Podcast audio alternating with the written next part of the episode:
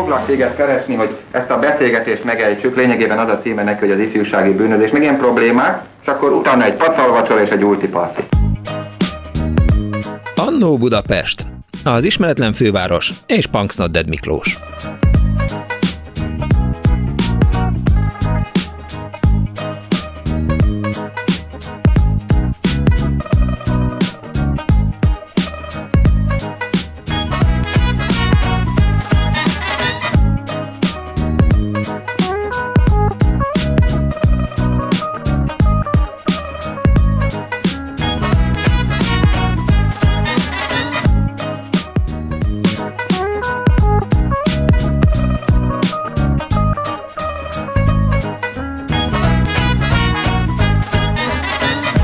Kis csúszás, úgyhogy eh, hát igaz az állítás, legközelebb három órakor jelentkezünk hírekkel, három óráig van még egy kis időnk, kicsit megcsúszott a műsor, 14 óra 14 perc van, jó napot kívánok a kedves hallgatóknak, ez a Klubrádió benne az Annó Budapest az önök alázatos narrátorával, Punks Dead Miklóssal, az elmúlt két hétben arról beszélgettünk, hogy ki melyik híres emberrel is hol találkozott, és az egyik beszélgetésben Katona Mátyás, állandó betelefonálunk, mesélte, hogy kit hogyan szállított, ki ült be a taxiába, és akkor mondtam is, hogy ez annyira nem túl rossz ötlet, tehát, hogy legyen egy olyan Annó Budapest, ami taxis történeteket tartalmaz, amiben szerepelhetnek természetesen taxisok is, szerepelhetnek utasok is, és mindenki, akinek van egy jó taxis története, Úgyhogy 24 06 95 3, illetve 24 07 95 3 a telefonszámunk, SMS-ben 06 30 30 30 95 3.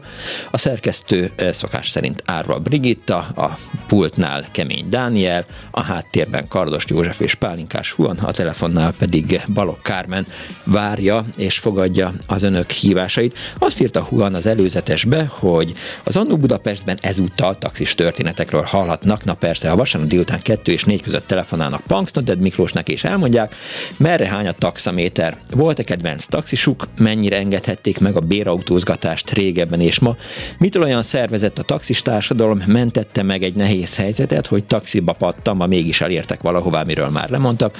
Volt-e dolguk hiénával, tettek-e meg nagy távolságokat taxiban, amikor mondjuk Miskolcról mentek Budapestre irigyelték-e az autóban a CB rádiót, melyik a legkedvesebb taxis emlékik, ezeket a kérdéseket tette föl Pálinkás Huan, és keressük rá a választ az elkövetkezendő eh, két órában, egy és három órában, azt írja eh, Dániel nekem, hogy nem elérhető a vendég, az két okból nem elérhető, mert egy rossz számot adtam meg, kettő, eh, valami más történt, az előbb még beszélt vele Árva Brigitta, úgyhogy Joker várja a hívásunkat, majd mindjárt kitalálom, hogy hogyan oldjuk ezt meg.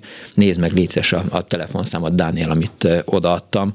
És ha már taxis történeteknél tartunk, jó apropót adott egyébként a, a Huan, mert, mert nekem például a közelmúltban mentette meg, ha nem is az életemet, de minden esetre a délutánomat egy taxis, amikor amikor az történt, hogy, hogy az egyik barátomnak, a, vagy a főnökömnek a kocsiában hagytam a telefonomat, és kiszálltam, kipattantam, hello főnök, majd találkozunk hétfőn, ez nyilván péntek délután volt. És és ahogy így kiszálltam, ő elhajtotta a gépjárművel, és akkor én fogtam a telefonomat, hogy, hogy fölhívjak valakit, és akkor jöttem rá, hogy a telefon az nincs nálam, és már hiába integettem, hiszen a főnököm már messze járt tőlem, és akkor mi a kis kutya fülét csinálja, gondolkodtam, gondolkodtam, és hívjak valakit, de hát nem tudok hívni senkit sem, nem tudok taxit hívni, mert, mert nincsen telefonom. De aztán persze a hülye főnököm az megkérdezte tőlem, hogy miért nem hívtam föl. Mondom, azért nem hívtalak föl, mert a telefon ott van a autónak a kesztyűtartójában. És az volt a szerencsém, hogy, hogy jött egy, először elment egy taxis, aki nem vett észre, aztán jött egy másik.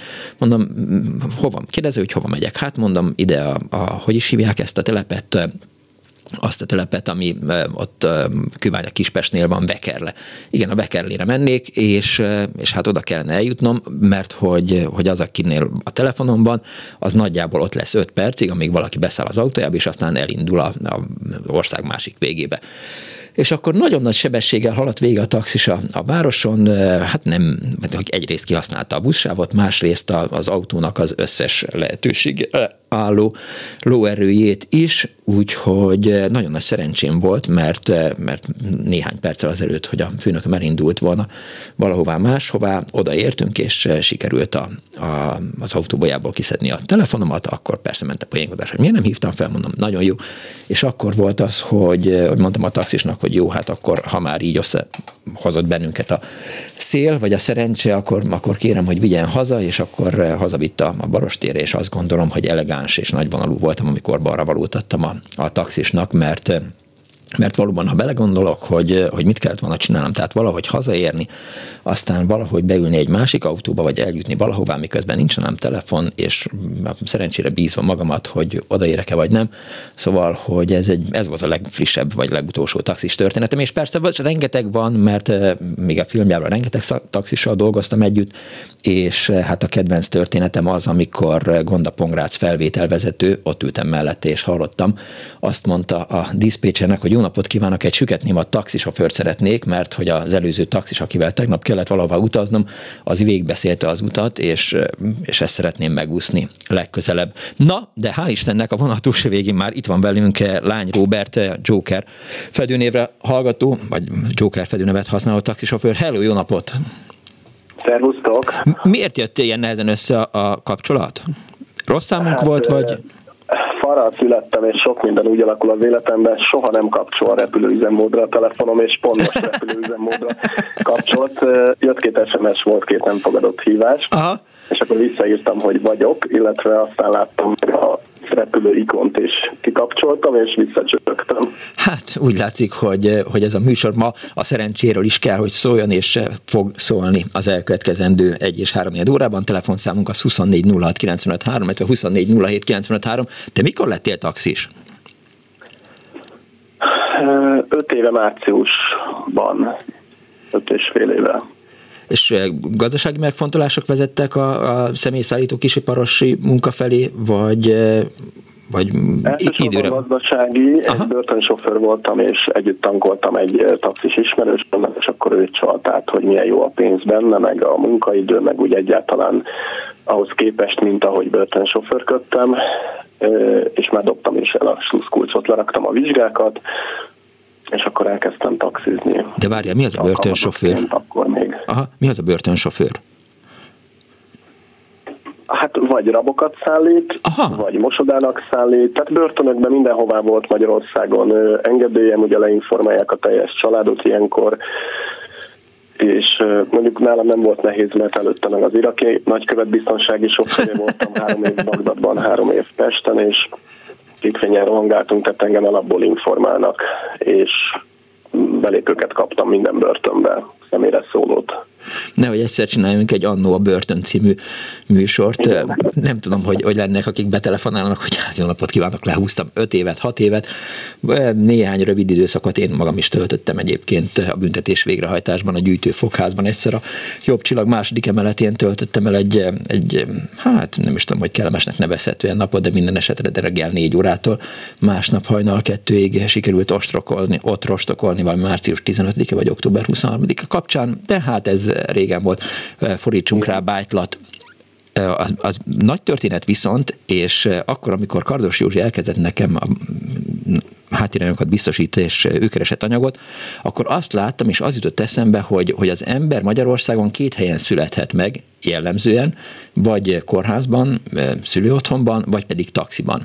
Mert hogy nagyon sok ember van, aki, aki taxiban szül, vagy taxiban születik, több ilyen történetet olvastam most a műsorra készülve, de te is egy ilyennek a, a szereplője vagy. Mi történt pontosan, és mikor? Hát nem, nem születés volt, az egy öt és fél hónapos kismama haldoklott a hátsó ülésen, oh hoztam be őket Pilis nevű településről, Aha. és már az ülői úton rosszul lett. Hát ugye az ember csak figyeli, főleg a hölgyutasokat, főleg a kismamát, főleg ha gyerekek is vannak, hogy alapból hogy viselkedik, tiszta-e, be van-e kötve, jól érzi-e magát. Uh-huh és feltűnt, hogy a szemem sarkából is, mert csak forgatom egyébként is a fejemet, meg a tükörből, hogy valami nincs rendben lóg a feje neki, apuka meg előttem ült, vagy mellettem ült, uh-huh. és hát félreálltam a keletinél, és mondtam neki, hogy illetve már gurulás közben muszáj volt mondani, hogy nyúljál már hátra, mert itt meg még veszélyes is ott talán az Orci úton forgalomba, tehát addig haladok, megyek valamelyik kórház felé.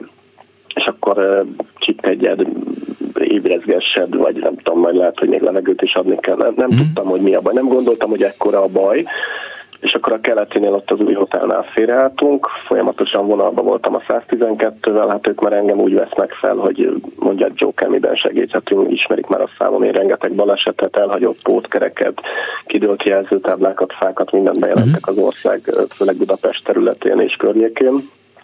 És közben jobban lett, én beküldtem vízére apukát, ott van egy kisbolt. Igen. És a sorok között pedig, tehát folyamatos figyelet, vagy figyelemmel kísérte valamelyikünk mindig, hanem ketten a anyukát, a kismamát, és a sorok közt is rohangáltunk, ugye volt, hogy arra szólt, vagy elment rendőrautó, Hát az egyik azt mondták, hogy ők tűzszerészek nem vezethetnek fel, tehát abszolút nem kompetensek benne, és akkor majd egy pár perc múlva kettő is megérkezett, egyes sorokból fordult mellénk ránk, vissza, egy meg a 112-nek a hívása hatására, és akkor eldöntötték, hogy melyikük fog felvezetni, és hát nyilván addigra már eh, ki volt ez találva, sokan kommentelték, hogy miért nem a Péterfibe, miért nem a sürgősségére, ott vannak egy kilométeren belül. Mindenki nagyon okos általában, a világ így működik. És akkor kis tartsára kivezettek. De fél éven belül ez háromszor megismétlődött, kétszer csecsemőkkel. Az egyik egy magyar volt, nem tudta ébredgetni anyuka, ugye furcsa volt a melkasán, hogy ott annak is lóg a feje, meg ideges az arca anyukának, és mondta, hogy 40 fokos láza van, hm. kirakták őket a kórházból, és nem tudja ébrezgetni. És akkor ugyanezt alkalmaztam, meg volt egy ukrán menekült anyuka a nővérével, meg a saját kisfiával, az meg fejre esett másfél méterről.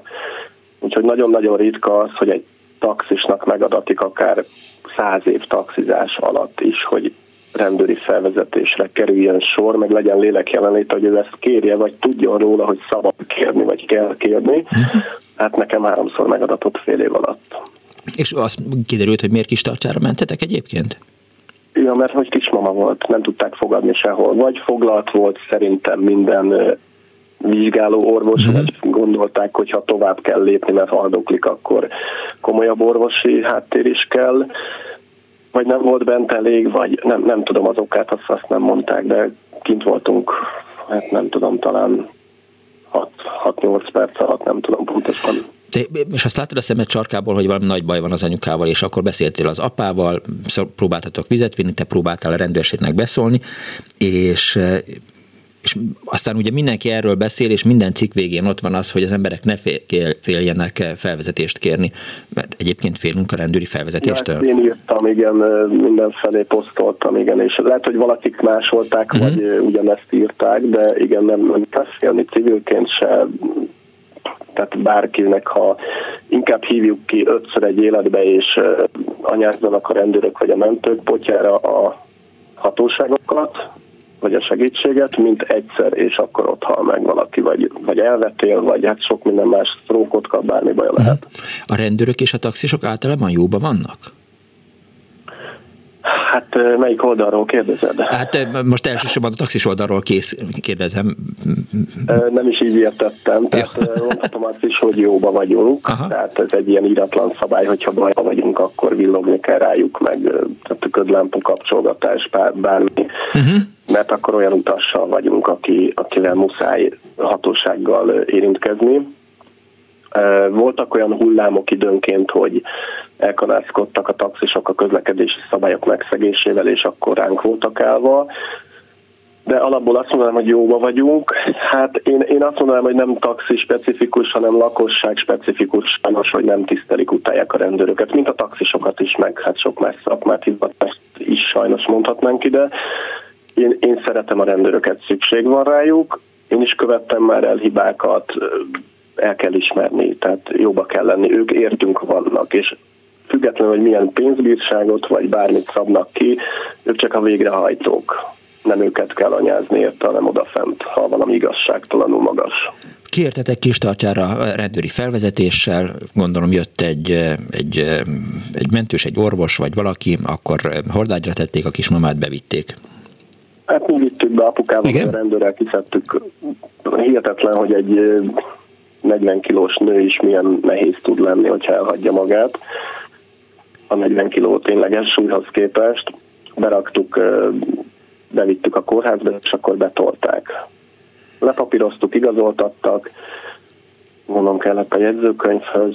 Mondjuk azt hozzátenném, és ezen dolgozunk, hogy csak hát nagyon lassan halad ez is, mint minden, hogy amikor azt hiszem a, az egyik csecsemő esetében Ja, itt nem is igazoltattak, azt hiszem, mert uh, itt, itt már tudták, hogy ki uh-huh. vagyok.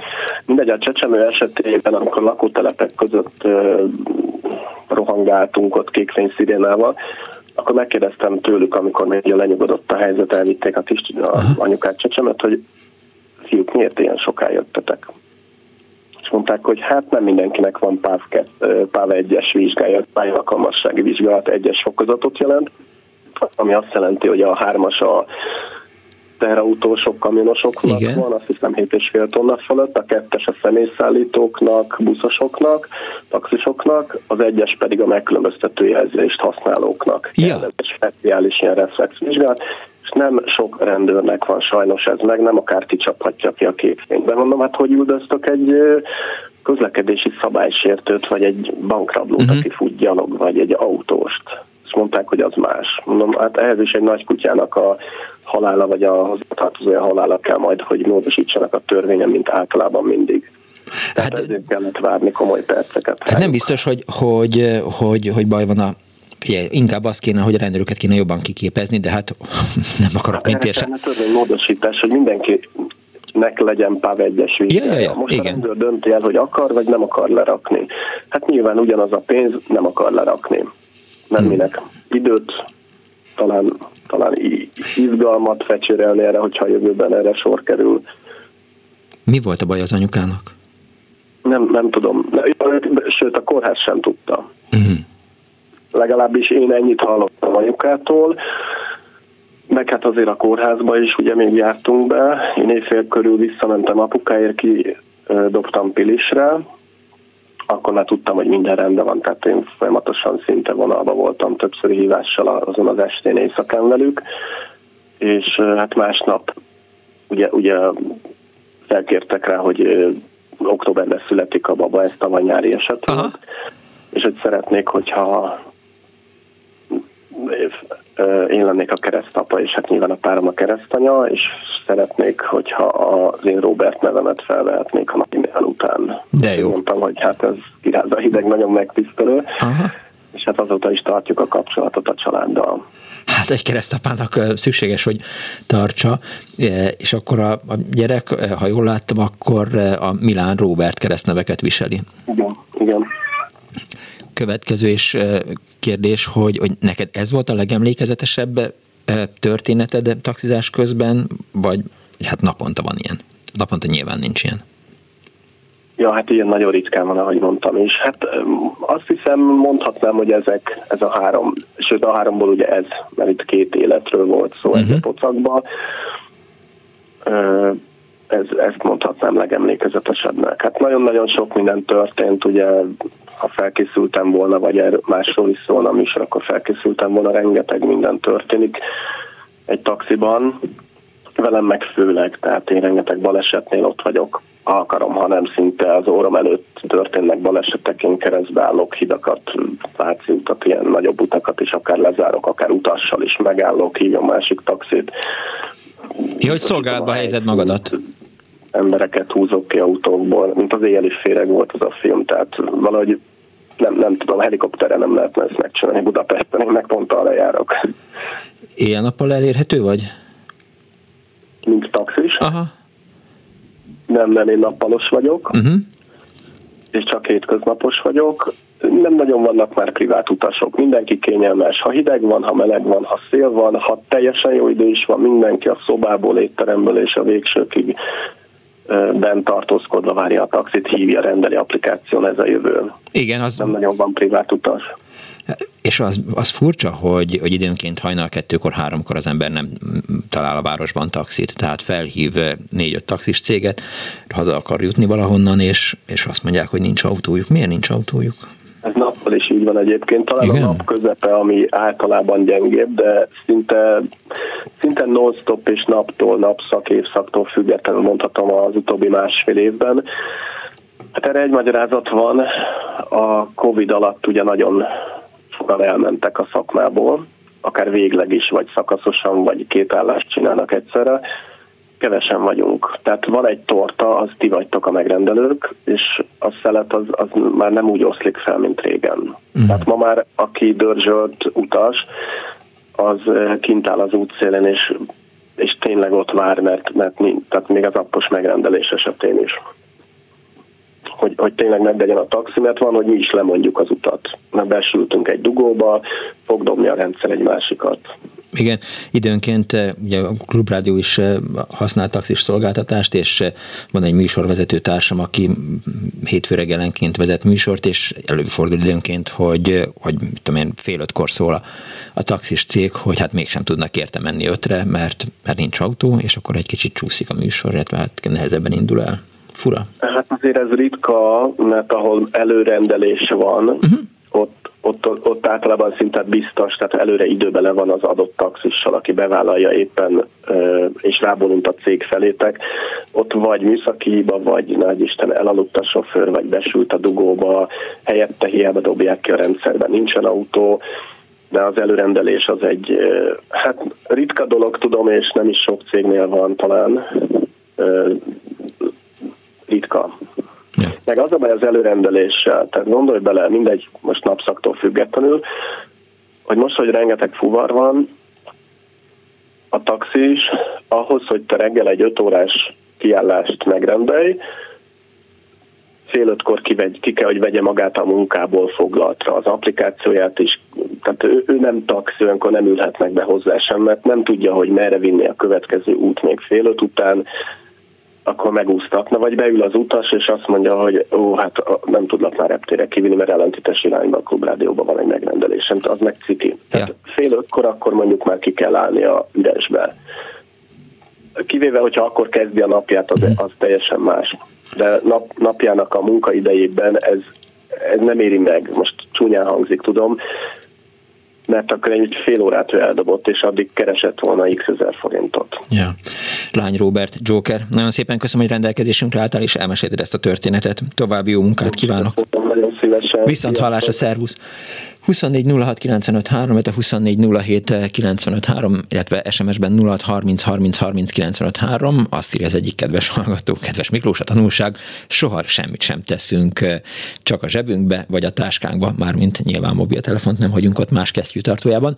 Másik hallgató, szia Miki, remélem valaki beszámol a CB-ről és az URH-ról, hogy az utóbbi trillájával kellett címet felvenni, és az öregek természetesen a megengedett nél nagyobb teljesítményt nyomtak ki a batyúval, ilyen 500 wattot is akár, ami az alapjáratot is levitte. Ezt nem pontosan értem, de majd valaki elmagyarázza nekem, hogy, hogy mit is jelent ez, hogy, meg hogy meg volt a sorrend a hierarchiában a nyomásokkal, és voltak tutik és tuti helyek is hasonló módon írta a hallgató 0 30 30 30 95 3-ra. Egy másik egy történetet ír a budai Margit hídi taxiállomáson annó. Jó estét, kérem, kérem, kíván, kérem vigyen haza, hova megyünk Csillaghegyre. Ja, oda nem megyek, mert messze van, mondta a taxis. Azóta csak annyit kérek, hogy merre induljunk, és a célt később mondok, mondom meg, írta egy hallgató, és egy hallgató a vonalban. Jó napot kívánok! Katona Matyes. Na szevasz, hello! Személyes érintettség miatt már telefonálok, mert ugye bármikor meg is említettél. Igen. Na, nálam az úgy kezdődött, hogy 76-ban diplomáztam, és akkor a 2800 forintos fizetés az igen csak kevésnek bizonyult. És akkor elmentem a főtaxihoz, már előtt elintéztem a PAV 2-t, tudod, ez a Robi előttem már elmondta, hogy a PAV 2 kellett a személyszállításhoz. Igen és ülök ott, várok, hogy hát már behoznak egy autót, kétszer-háromszor vártam fél órát, órát, aztán elmentem, és akkor mellettem megszólal egy gyerek a negyedik vagy az ötödik napon, hogy bezzek, ha lenne saját autóm, akkor feketén csinálnám. Nem mondom, miért, mire gondolsz, nekem van. Tudod mit, hát menjünk ki ide a skálához, és akkor én felszedem az utas, uh-huh. te viszed, és, vagy te vezetsz, és akkor felezzünk. Hát tudod, ez a 50-50, már a szovjet és a magyar katonánál sem nagyon jött be ez a fitizés. Hát mondom, enyém az autó, enyém a rizikó, enyém az üzemanyag. Jó, aztán megállapodtunk, tehát talán 20-80-ban is a felében. Csak ott párszor ezzel a sráccal együtt dolgoztam, aztán csináltam együtt, de egyedül, mert talán emlékszel, meséltem, hogy akkor ismerkedtem össze a Demszkivel. Igen. És nagyon sokáig, amíg nem lehetett fehéren taxizni, addig feketén taxiztam, vagy hogy mondjam, szürkén, és szil- karácsony szilveszter az nagyon ment, mert a teti csomagtartóra felszereltem egy buszindexet, talán emlékszel, ilyen gyerektenyérnyi kis uh, sárga uh, lámpa, amit felszereltem a tetőcsomagtartóra, és rá volt írva, hogy bujék, de nagyon vékony betűkkel, viszont messziről nem látszódott, hogy bujék vagy taxi. Akkor hadonáztak, mert mit Aha. tudom én. És akkor mondom, de ez magánautó, nem, majd menjünk, egy, egy, egy karácsonykor megkerestem a volt feleségemnek a havi fizetését. Szóval nagyon ment a dolog. Aztán, amikor már legál, ilyen. És ugye számlát nem kellett adni, Hát a, a, azzal kezdtem, hogy magán, magánautó, meg amikor elmentem a déli pályaudvarra, vagy a, vagy a reptére, akkor mondtam, magánautó megfelel. De figyelj, hasraütéssel mondtad az árat, vagy nézted a kilométer órát, vagy Nem, pörgetted? a kilométer, meg szokták kérdezni, hogy mennyi, sőt, sőt, rendszeresen az volt, hogy szokott erre menni, igen. Mennyit szokott fizetni? Jó, mondom, annyi jó lesz. Aha. De én nem voltam az a harácsolós hiéna, aki olyanokat csinált, hallottam a délénél, olyan volt, hogy a összeszedett három vidéki bácsit, nénit, az egyik a nyugatiba ment, a másik Cseperre, a harmadik Rákoszentmihályra, összeszedte őket, és aztán mindegyiktől elkérte azt, amit, amit hú, hát az olyan, olyan dolgokat, hogy nekem égett a bőr a pofámon, amikor elmesélte, hogy mennyit keresett vele. Hm. Aztán lassan, amikor legális lett talán 87-ben vagy 88-ban, akkor olyan feltételek voltak, hogy nem lehet kétütemű az autó, és legalább 40 kW-osnak kell lennie, meg, meg ilyen szabályokat találtak ki, akkor még Skodával kezdtem, ami 40 kW-os volt, tehát mit tudom én, 50 lóerős, hát az nem, most a leges leggyengébb a duplája meséltem neked pár utasról, most egy olyan utas mondok el, akit, akit nem szeretnék néven említeni, Kossuth, Kossuth Díjas színésznő, a brit nagykövetségnél szállt be az autóba, azt mondja, Óbuda. Mondom, csókolom. Nem hallotta Óbuda? Mondom, csókolom. Mondtam már, hogy Óbuda, jó napot. És akkor elindultam, és mondom pontosabban hova. Majd megmondom, olyan stílusban beszélt velem, hogy onnantól kezdve azt a női hölgyet nagyon-nagyon-nagyon nem kedvelem, pedig nagyon jó színésznő. Hát figyelj, az Isteneknek is vannak rossz napjaik szerintem. De persze, nem azt mondom, hogy ő mindig ilyen, de azért elmondom, hogy nem voltam nagyon elkeseredve, amikor meghallottam, hogy pár év múlva őt a Szépvölgyi úton a rendőrök megbelincselték. Istenem, nem árulod, de, de ha most... már, hogy kiről van szó, de igen. természetesen nem fogom elmondani. Igen, jó, jó. Az előbb kérdeztél arra, hogy nem tudod mi az, hogy lefulladt az autó, vagy elment az alapjárat. Na, tehát nem, azt írja. Ha jól emlékszem, CB rádióval lehetett adni 8 tized watttal, vagy valamivel 8 igen. watttal, már nem emlékszem, szóval valami rettentő gyengével. Nagyon sok taxis azért, hogy hamarabb kapjon és jobb fuvart, és messzebbről hallatszódjon, meg ilyesmi, betett a kocsiba erősítőt. Van, aki gyertyának hívta, uh-huh. és olyan fogyasztása volt, hogy több száz wattal adott, és amit az előttem a Robi mondott, hogy, hogy elment az alapjárat. Tehát, hogyha nem, nem azt én olvastam fel. Akkor... Tehát ez egy hallgatói SMS volt, és azért mondtam, hogy nem értettem, amikor valaki azt írja. Jó, akkor elmagyarázom. Jó. Tehát alapjáraton járatott az autót, akkor generátor termel, mit tudom én, 100 wattot. Oké. Okay. De, de hogyha meg, megnyomod a gyertyát és szélbérádiózol, akkor, akkor ad 400 watttal, ugye lemerül az akkumulátor, vagy egy ilyen generátor uh-huh. nem bírja, és ha alapjáraton mész, akkor nem bírja, tehát lemerül az a akku, megáll az autó. Ja. Hát ilyenkor gázt is kell egy picit adni, hogy, hogy bírja a rendszer, és akkor tudja, hogy tiéd a fuvar. És melyek Jó, voltak? hát ez slang, bocs, igen. Jó, itt, itt batyut emlegettek, de hát nyilván ez is taxis Mondták slang. Batyunak is, meg gyertyának uh-huh. is, tehát az a cucc, amit rátettek a CB rádiónak Ja, jó, jó, a jó. hátára, mint egy embernek a hátára ráteszik a batyut, Jó. így a CB rádióra rátették a plusz erősítőt, amit volt, aki gyertyának hívott, batyunak, hát taxiszleng. Tudod, a droszt egyébként tudod, mit jelent? Nem.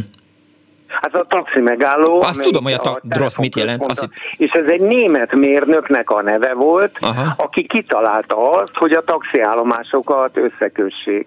Meg a taxinál volt egy olyan kifejezés, hogy treffes. Azt nem ismertem. Aki legelől áll, azt hívják treffesnek. Uh-huh. Pedig hát a kártyajátékot nem hiszem, hogy bármi köze lenne. Értem. Na, múltkor állítólag túl sokat beszéltem, most elköszönöm. bár nem, nem, nem, nem, nem, nem, nem, nem, nem, nem, nem, nem, nem. Ja, bátran. Jó, az, hogy, hogy ha már a CB rádió szóba került, ami már nyilván nem használnak CB rádiót a taxisok, de hogy, hogy voltak olyan helyek, ahol jobb volt a vétel. Tehát ezért lehetett mondjuk igen, Pesten Igen, igen. a... Hát a Gellért hegy például. Uh-huh. Jaj, hadd meséljek el egy sztorit, hát ha nem Na jó. fognak ezért engem megölni. Volt a régen Rosenberg házaspár utcának hívták, Hmm. most már ö, Ötödik Hold lehetett az. hívják, Vadász? és ott egy kupi. Aha, Úgy hívták, hogy édestej. Igen, És ott me- megígérték a taxisoknak, ha hoznak kuncsaftót, akkor kapnak, mit tudom, 1000-2000 forintot. uh-huh. De nem az, hogy beviszed az embert, és akkor megkapod az 1000-2000 forintot, nem, másnap visszamehetsz, és akkor, akkor megkapod mondod, a pénzt, vagy nem kapod meg a pénzt. Na, többször volt velem, hogy odavittem kuncsaftot, amikor még este taxiztam, amikor nem voltam házas, vagy éjszaka, és másnap oda mentem, mondta, jaj, hát az a kuncsaft az elment. Szóltam a taxisoknak, mi a Cityben 19-esen csatornán voltunk, és akkor megbeszéltük a taxisokkal, hogy gyere fel, az a felső 19-es volt. És akkor gyerekek, nem volt valakinek problémája az édes tejjel, de. Mondom, akit érdekel a dolog, jöjjön fel a Gellért hegyre, onnan még elmondtam, hogy akinek az édes tejjel problémája volt, az jöjjön fel a Gellért hegyre, felmentünk, összejöttünk vagy 20 és mindenki mondja, hogy de nekem se, nekem se, nekem se, nekem se. Áll másnap letagadták, hogy a Mhm. kuncsaft elment 5 perc múlva, 10 perc múlva, 20 perc múlva. És akkor mondtam, hogy gyerekek, dobjunk össze, mit tudom én, fejenként 100 forintot, béreljünk egy zsigulist, bocsánat, hogy így a pejorálom ezeket, vagy degradálom azokat, akik hát nem rendesebb autóval voltak. Kibérünk egy zsigulist, aki leáll az édestejjel szemben, a, a amerikai követség hátuljával szemben, vagy a Nemzeti Bank hátuljával szemben, és figyeli, hogy, hogy mi van. És akkor az ember kiszáll az autóból, int egyet fölfele, meg se, nem is kell mutatni, hogy melyik, melyik zsigulissal, ö, ö, vagy hogy ki az, akivel, aki ott figyel, és figyelni, hogy az az ember, akit én bevittem, az mennyi idő múlva jön ki. És akkor egy hétig ott figyelt egy zsigulis, vagy kettő, vagy öt, és akkor megbeszéltük, hogy mindenkinek a kuncsaftja két-három órát volt benne. Másnap bementünk, vagy harmadnap, vagy ötödnap bementünk, és se, nekem se fizettétek ki, nekem se fizettétek ki, nekem se fizettétek ki, pedig az én kuncsaftam egy órát volt benne, két órát volt benne, ennyit volt benne, kérjük most a pénzt. Nem? Biztos? Biztos? Jó, rendben.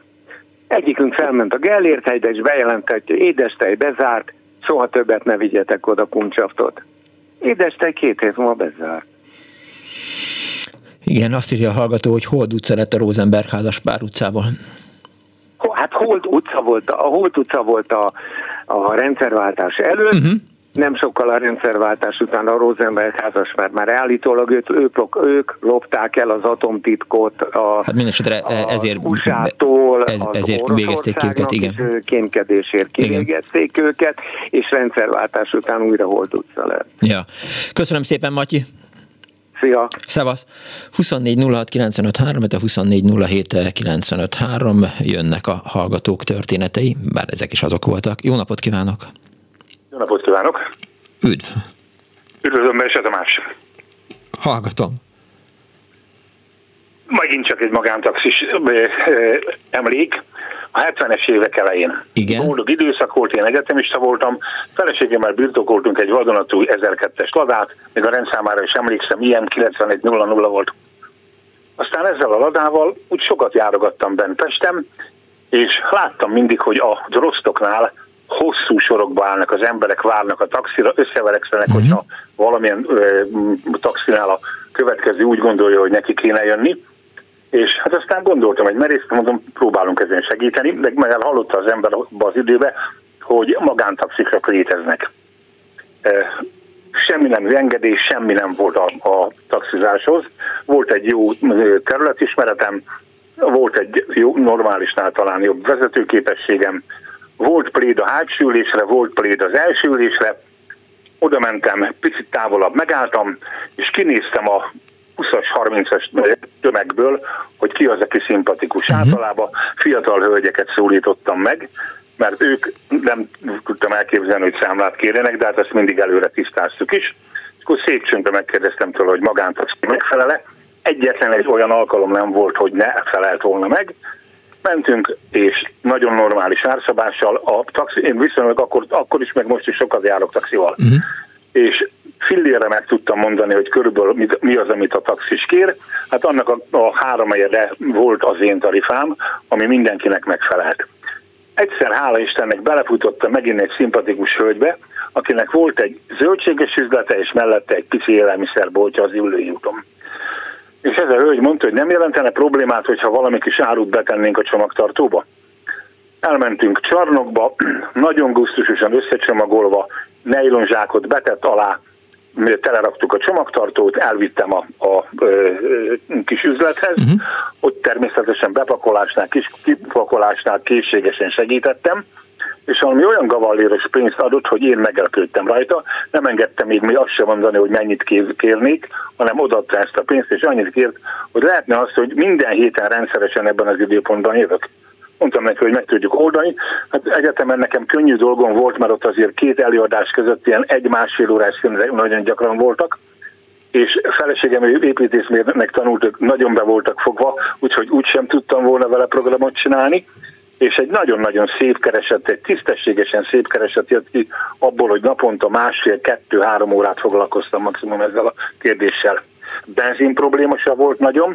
Abban az időben, még az a 70-es évek eleje, az ideglenesen megszálló csapatok itt voltak még, és a laktanyából kijöve ők szólították meg az embereket ott a mi környékünkön, én Esztergomi vagyok, uh-huh. és ott volt egy, volt egy hibátlan szép laktanya, ajánlották a, a benzint, gázolajat, mindent, és fillérekért a kannát se kérték vissza, én azt hiszem, hogy az időtájt ilyen 10 forint körülre már fölmentek a 3 forintos benzinárak, de ezek harmadáron adták a benzint, és mellé a kannát. Ha az ember nagyobb mennyiséget, 200 litert kért, akkor a kocsiról lelökte a tiszta lábával a 200 literes hordót a földre, és a, kérdeztük, hogy mi legyen a, a, hordóval. A, a, a hordóval, Semmi. egyet mondta, hogy ezzel nem foglalkozunk.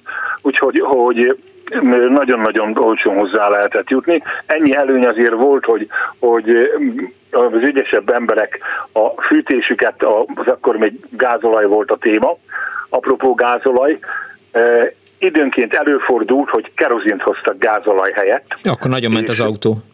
És az autó az, az megbolondult tőle, másrészt pedig a, a porlasztó, amelyik a központi fűtés kazánon volt, az úgy puffogott durva, mint hogyha helyből fel akart volna szállni, úgyhogy kénytelen volt az ember utána még egy adagot, ahogy ürült lefelé gyorsan utána tölteni a, a rosszabbik minőségéből a, a, a gázolajból, és akkor utána megszűnt ez a pufogás, de jóval nagyobb hatásokkal működött a rendszer. Akkor, amikor oda ment egy taxidrossznál utast fogni, akkor a taxisok nem nyafogtak, nem támadtak meg, nem volt konfliktus ebből? Nem, tehát ez volt a lényege, hogy úgy beállni a mellékutcába, hogy ne látszódjon az autó, uh-huh. mert csak hallottam róla, hogy, hogy akár tetlegességig fajuló viták adódtak ebből, pedig hát a taxisok se haltak éhen, mert, mert olyan rengeteg volt a fóka, és az eszkimó meg nagyon-nagyon kevés volt, hogy, hogy ők kényelmesen megéltek ebből, de azért csípte a szemüket, féltek pontosan attól, hogy a finomabb kuncsaftakat kiszemezgetik maguknak a magántaxisok, tehát az, a, nem, nem látszott az autót, és úgy inkább a sornak a kellős közepébe farítottam be, nagyon diszkréten, nagyon negyed hangon közöltem a hölgyel, hogy, hogy milyen szándékom uh-huh. van, és utána mondtam neki, hogy itt mutattam, hogy melyik utcának a legvégén parkolok, én elmentem oda előre, és szép nyugodtan, kényelmesen egy fél perc múlva kezdett lépkedni azon az útvonalon, ahol mentem, ülve a gépbe, és már mentünk is, boldog idő volt. És lebukásnak igazából nem volt esélye? Semmi esélye nem volt, semmi, hát az, hogy ül egy másik ember az autómba, tehát az, az akár, akár milyen hatóság, az gyakorlatilag semmit nem tudott ezzel kapcsolatosan csinálni, senki nem kellett el, hogy csicseregni, egyik utas sem, hogy, hogy pedig volt úgy, hogy megállítottak, és semmi igazoltatás, uh-huh. elkérték a mellettem lévőnek abban az időben, nagy divat volt annak is a személyezőnösságiát, és azon kívül problémamentesen haladtunk tovább, illetőleg ha valami szabálysértés volt, a büntetést ott helybe elintéztük, tehát olyan büntetési tételek voltak, ami nevetséges, úgyhogy hogy végül is ilyen, ilyen konfliktusban nem keveredtem bele. Volt valamilyen emlékezetes történeted, míg eh, illegálban nyomtad a taxizást? Hát annyi, hogy ez a, ez a nagyon-nagyon gavalléros hölgy, amelyik mindig is, mindig is gavalléra, mhm. gavalléran fizetett, olyan volt, egy, egy alkalommal fordult elő olyan, hogy egy, az egy huncutabb hölgy volt, egy, egy középkorú hölgy, amikor megálltunk, akkor mondta, hogy ő felszalad a lakására, és ott van egy rövid intézi valója, csak lehoz valamit, és jön vissza mindjárt. És én nagyjából ismertem azt a környéket, mert más okból sokat jártam arra felé, uh-huh. és tudtam, hogy ennek a háznak két oldalról van kijárata. Vannak ilyenek, igen. És az autót ott hagytam a ház előtt, én átmentem a lépcsőházon keresztül a másik kiárathoz, szép kényelmesen vártam. Nem mondom azt, hogy hamar, de körülbelül egy óra múlva jött le a hölgy, gondolom látta, hogy ott áll a taxi a ház előtt, és osonkodott volna ki a hátsó kiáratom. Ott eljártam, és megmondtam, hogy jaj, valamit eltetszett felejteni és próbált meg elmenni mellettem, hát én csak annyit csináltam, hogy jobbra ment, én jobbra mentem, ahogy balra ment, én uh-huh. balra mentem, tetlegességig nem fajult a dolog, de eléggé be voltam indulva, úgy hirtelenebb is voltam én akkor, amikor ilyen dolgokról volt szó, és aztán látta azt, hogy azért itt nincs nagyon mellébeszélés, és oda akart adni egy huszast ez a fuvar, ez alapból is egy 30 forintos fuvar volt abban az időben, úgyhogy mondtam neki, hogy jaj, mondom, valami félreértés van, mondom, Olyan még egy használnak. De látom ott azt a barna 50-est a tárcájába, azt úgy hanyagul fogtam, kiemeltem, mondtam neki, hogy jaj, mondom, nagyon köszönöm, és milyen jól megoldódott, mondom azt, hogy ilyen kis félreértés adódott. Úgyhogy ez volt az egyetlen egy olyan, amikor meg akartak vezetni, de hát korán kelljen fel az, aki, aki egy egy mm, fiatal, pörgős agyú, talán bizonyos mértékig dörzsölt embert meg akar mhm. vezetni. Akkoriban gondolom még két forint volt a, a, a taxi óra kilométerenként. Akkor. Még kettő forint körül volt, de aztán utána azért az kúszott fölfelé persze, minden persze. évben de, de megvoltak ezek a bizonyos pontok, hogy, hogy ettől a ponttól addig, addig mennyi a, a taxifuvar. Volt egy pár olyan külső része, amiről nem volt lövésem, de a taxis kollégától megkérdeztem, hogy, hogy nagyjából mennyi, nem tudom én, Újpest központjáig, és akkor ő megmondta, hogy az, az így jön ki, és abból már az ember, ember tudott kalkulálni. Egyébként végtelenül kedves, én nagyon sokat taxiztam úgy, hogy mint utas, uh-huh reggelenként 8 óra körül, 9 óra körül volt tévéfelvételem elég rendszeresen, ez egy egyenes adás volt ez a Róna utcába, és hát Hűvösvölgyből, a Pessédek kútról meglehetősen kacifántosan lehet átmenni, illetőleg hát annyi, hogy rengeteg a dugó, abban az időben át a Moszkva tér az mindig beállt, a Hűvösvölgyi út úgy, ahogy most is ez beállt, mint álltatok ott az autók, mint bőrzsömben az eső, és aztán a taxival azért tudtunk mindig, ahol volt taxisáv azért ott menni, tehát ki lehetett azért nagyjából számítani, hogy az ember odaérjen. Volt azért olyan, hogy baleset miatt, amikor már negyed órája álltunk a Hűvösvölgyén, akkor mondtam a taxisnak, hogy kap 3000 forint prémiumot, hogyha Róna utcába beérünk 33 perc múlva hát. Az úgy, úgy, ha nincs forgalom, akkor illetve nagyon jó meg lehetett csinálni. És rá azt mondtam, nem kell gyorsan menni, hanem ügyesen menjen ez a kérésem.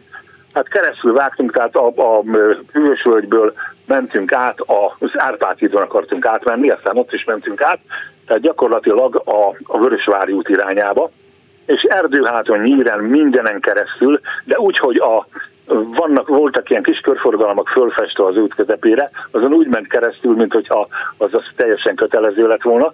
Volt egy, egy egyirányú utca, amelyiken föl, berakta a két kerékkel fölment a járdára, mert baromi szűk volt, uh-huh. természetesen nem nekünk állt az ászló az egyirányúnál, és szépen azt a 3-400 métert azt rükvercbe végighúztuk, utána aztán be az eredeti forgalom, forgalomba normálisan beálltunk, elértük minden oké okay volt, úgyhogy megkapta a célprémiumot, de mindegyik taxistát annyi, hogy, hogy ezeknek van emberismeretük. Ha látják azt, hogy, hogy egy normális ember, aki tiszteletben tartja az ő munkájukat, az, az és normálisan közelít hozzá, igen, hát az alap a köszönés, mint hogy az előző műsorból bizony az, az nagyon-nagyon előfordul. Ez egy embert minősít is, hogy, hogy, hogyha bemegy valahova, vagy beül valahova, akkor természetesen megpróbálja úgy megoldani, hogy ne tudják őt megelőzni köszönésbe. Hogyha ezek úgy megvannak, akkor biztos, hogy egy normál beszélgetést ki lehet alakítani, ami, ami jó az utasnak, jó a, a taxisofőrnek is. Lehet érezni, hogy milyen frekvenciával, mennyit kell várni esetleg egy-egy téma, témakörbe, hogy ha, ha erre ráérez, akkor, akkor nagyon-nagyon kellemes embereket, nagyon komoly életutakat tud megismerni. Olyan, olyan szimpatikus, idősebb úr Pilis Csabáról járt be taxizni, és mindig hajnalba ment be, és a reggeli vastag fuvarokat, tehát amikor biztosra volt, nem kellett várni, ezeket a fuvarokat abszolválta, és azt az egzisztenciát, akinek a családjában probléma volt a gyerekkel, az eltett pénzük az gyakorlatilag ráment mindegy a gyereknek a itthoni meg a külföldi gyógyítására, és hát ő neki a szerény nyugdíj mellett be kellett állni taxizni, nagyon-nagyon közel volt már szerintem a 70-en, uh-huh. Mhm. de olyan korrektül, olyan normálisan, olyan rendesen csinálta, hogy állam. Konfliktusom taxissal soha az életben nem volt, a forgalomban sem, pedig azért sokszor volt olyan szituáció, hogy, hogy a taxis nagyon-nagyon számított arra, hogy picit fékezni fogok a, a beengedésnél, de hát az ember tudja, hogy, hogy ő is azért, ő még talán jobban érdekelt abba, hogy időre odaérjen. Az, hogy egy pillanatot kell, egy picit rá kell fékezni. Hát legyünk már ennyire, ennyire tekintettel a másikra. Ha ilyen lelkülettel megyünk, akkor bizony közel millió kilométer tudunk teljesíteni baleset nélkül. Köszönöm szépen, hogy hívott. Köszönöm szépen én Viszont hallásra. 24 06 24 SMS-ben 06 30 30 30 Sok SMS érkezett, hamarosan visszatérek rá, a Facebookon is hozzá lehet szólni a műsorunkhoz. Meséljenek eh, taxis történeteket, erről szól ma az Annó Budapest, a hírek után folytatjuk.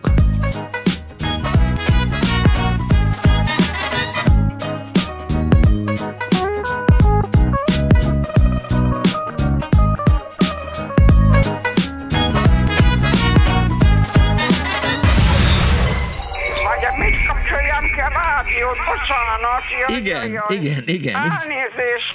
Jó napot kívánok! Mert ez a kis éppen olyan jó, és éppen azt teszi, amit kell. Annó Budapest, az ismeretlen főváros és Punksnodded Miklós.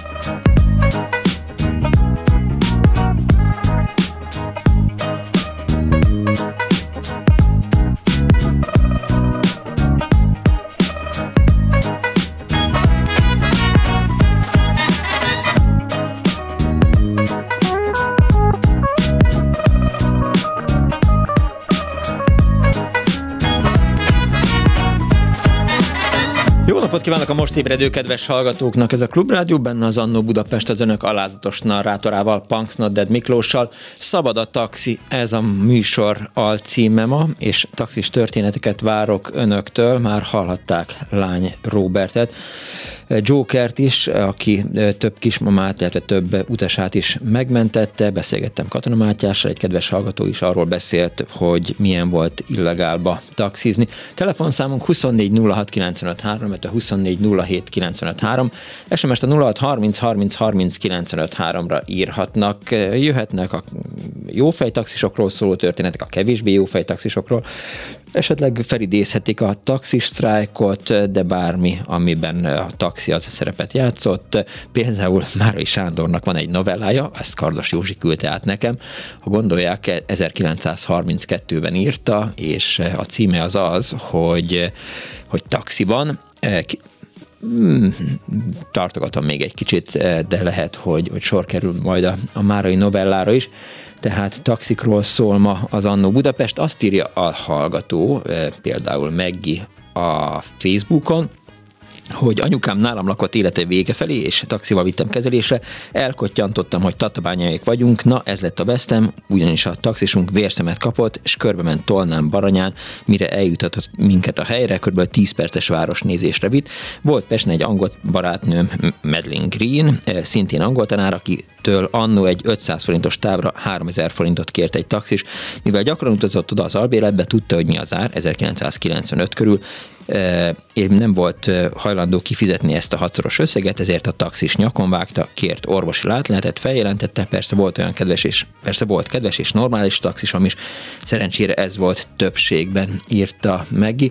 Nekem is eszembe jutott, hogy, hogy Münchenben például azt lehetett tudni, hogy, hogy magyarok a, a taxisoknál. Az ember beszállt Münchenben egy taxiban, akkor majdnem biztos volt, hogy, hogy magyarul is lehetett szólni, de persze németül is beszéltek, de ha meghallották, hogy magyarul beszélsz, akkor magyarul eh, álltak veled szóba.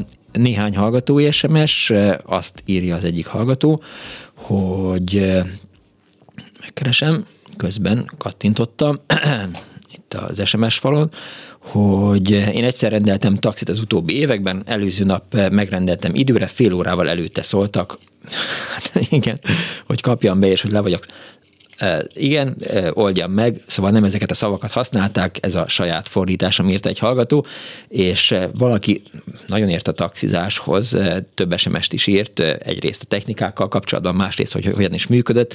Taxisoknál a címfelvevő rendszerben be lehetett olyat állítani, hogy készséges sofőr, ez azt jelenti, hogy segít pakolni, vagy akár felcipelni a csomagot, és olyan is van, hogy kisállatszállítás, azt a rendelésnél illik jelezni, hogy például egy esős napon egy Bernát-hegyivel szeretnék utazni, és hogy ne legyen beszálláskor vita. Régen volt, írja a hallgató, az URH-s korszakban, hogy feldobta a címet, a diszpécser, és azt mondta, két perccel, öt perccel, tíz perccel, 15 perccel időajánlattal. A profik azonnal nyomtak két percre, hogy odaérnek, de ráfázhattak, mert voltak időmérők, akik utánuk mentek, hogy időre odaérnek-e. És még azt hozzáteszi a hallgató, sok egyéb más mellett, hogy taxis diszpécsernek születni kellett, kevesen voltak alkalmasak arra, hogy a sok száz dörzsölt palit lekezeljen, de érdekes módon sok női diszpécser volt, akik úgy tudták a bandát helyre tenni, ahogy azt kellett, írta a hallgató 0630 30 95 3 ra és egy hallgató van a vonalban. Jó napot kívánok! Halló! Halló! Jó napot! Szervusz Miklós Vizi János Szevasz. vagyok.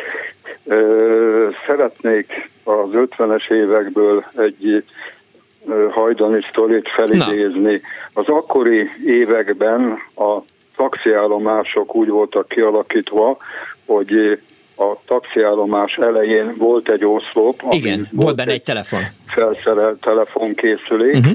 és amikor beállt egy taxisofőr, ezen a telefonon keresztül jelentkezett be, és hát annak reményében, hogy elő vagy utóbb címértesítést kap a telefonon keresztül. Uh-huh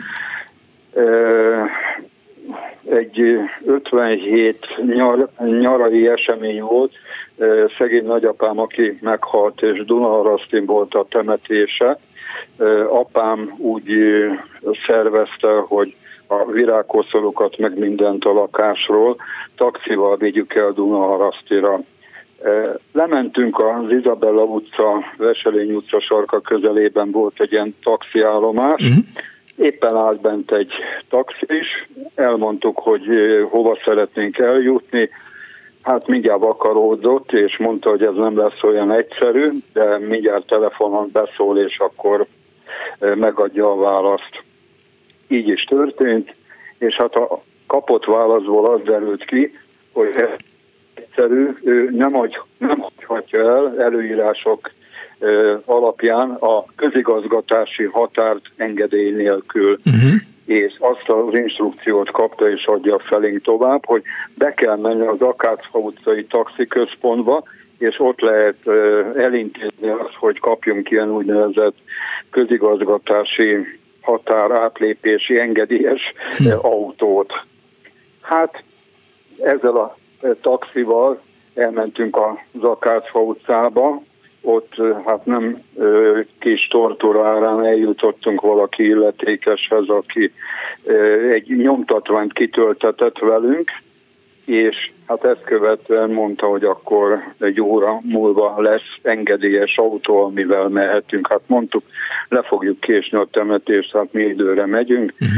Szétálta a karját, hogy szabál a szabál, ő ez alól nem tud kivételt tenni, mert ha ott valami ellenőrzésbe belefutunk, és nincsenek rendben a papírok, akkor a taxis is, meg mi is megjárhatjuk. Hát tudomásul kellett venni az ukázt, végül is egy órán belül lett autó, és akkor elindultunk Dunaharasztira, ahova hát szerencsére, mivel közben volt egy nagy zápor is, a temetés kezdése megcsúszott, és hát így időbe érkeztünk oda, és gyakorlatilag a szertartás és mindent megvárta. Gépkocsi vezető is olyannyira, hogy utána még a halotti toron is részt vett, és akkor együtt jöttünk visszafele Budapestre, de hát nagy gondba volt, mert a az engedélye, az, ha jól emlékszem, három vagy négy órás időintervallumra szólt, és hát abból kicsúsztunk, és hát azon kellett izgulnunk, hogy nehogy valahol ott a Soroksár tájékán esetleg megállítsanak, és baj legyen, hogy nincs engedély. Tehát ilyen világ volt akkor, hogy a közigazgatási határ átlépése esetén nem lehetett csak úgy simán taxival kijönni a fővárosból, hanem külön a központ jóváhagyásával lehetett engedélyes autóval közlekedni. Persze. Ezt szerettem volna így röviden, tömören elmesélni, hogy még ilyen világ volt még, akkor. Még arra is emlékszem, hogy úgy, tehát ugye például Pilisboros Jenő az közigazgatási határon kívül volt, de ott az Igen. volt a furcsaság, hogy, hogy az a tábla, ami Budapest határát jelezte, az az Ürömi út után volt. Tehát, uh-huh. hogy időnként a taxisok nem tudták, hogy már közigazgatási határon kívül vannak, Igen. mert ugye onnan vissza kellett fizetni, a, tehát duplán kellett fizetni a város határáig vissza a, a fuvart, ha az ember mondjuk Pilisboros Jenőre ment, vagy, vagy Ürömre. És igen, ebből időnként, az, volt, időnként igen. azért voltak viták, de aztán hát nyilván megoldották ezt a, a közigazgatási határos kérdést. Igen, igen. Jó. Köszönöm szépen, János. Én is köszönöm szépen. Viszont hallásra, szervusz. Hallásra. 24 06 taxizásról szól ma, taxis történeteket próbál az Annó Budapest a hallgatók számára produkálni, de ha már itt tartunk, hogy, hogy Annó Budapest eh, tart a Klubrádió túlési gyakorlata, péntek délutánig 72 millió 380 ezer forint érkezett önöktől, kedves hallgatóktól. Nagyon szépen köszönjük, eh, és emiatt aztán tovább tart a túlélési gyakorlat. Arra biztatjuk Önöket, hogyha módjuk és lehetőség van rá, akkor támogassák a Klubrádiót, hogy a következő fél évben is tudjon működni, és vasárnaponként legyen például Annó Budapest. Azt írja Illés Lia, Hallgattam a magyarázatokat, hogy miért nem teljesíthető néha az előrendelés, nem tudom elfogadni. Ha egy taxitársaság az applikációjában lehetővé teszi az előrendelést, akkor kutya kötelessége lenne teljesíteni.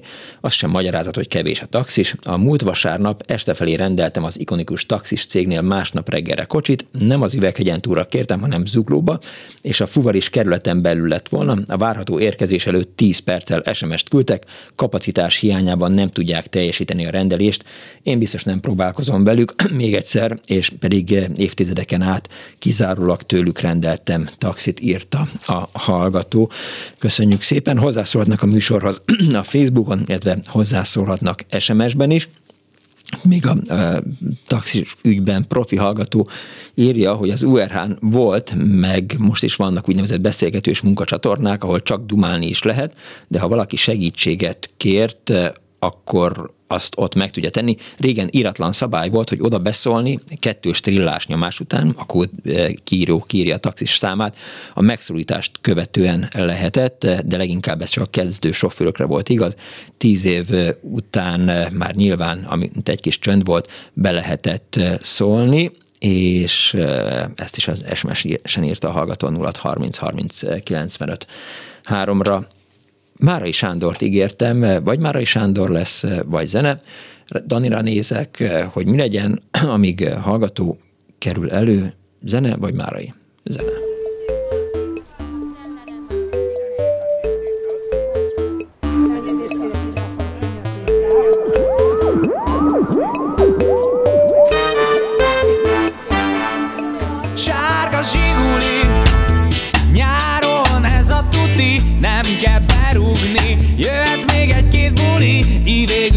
Most már nem szerepel a sorban. Magyar ember elver reppel szeretned kell engemet Mert nem keresek meg ezer ezres veled egyetemben Testem erejes, eszem veleje. Egy esperenter reppe keveredett bele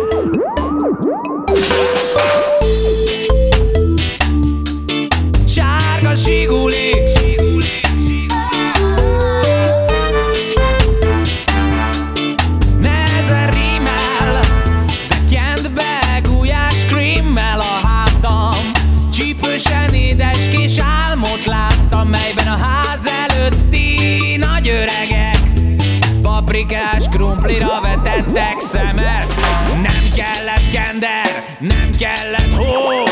Egymással enni csak az volt a jó. S a tizedik csavaros fagylalt után Így kiáltott cöcke a helyi vagány. Mambo!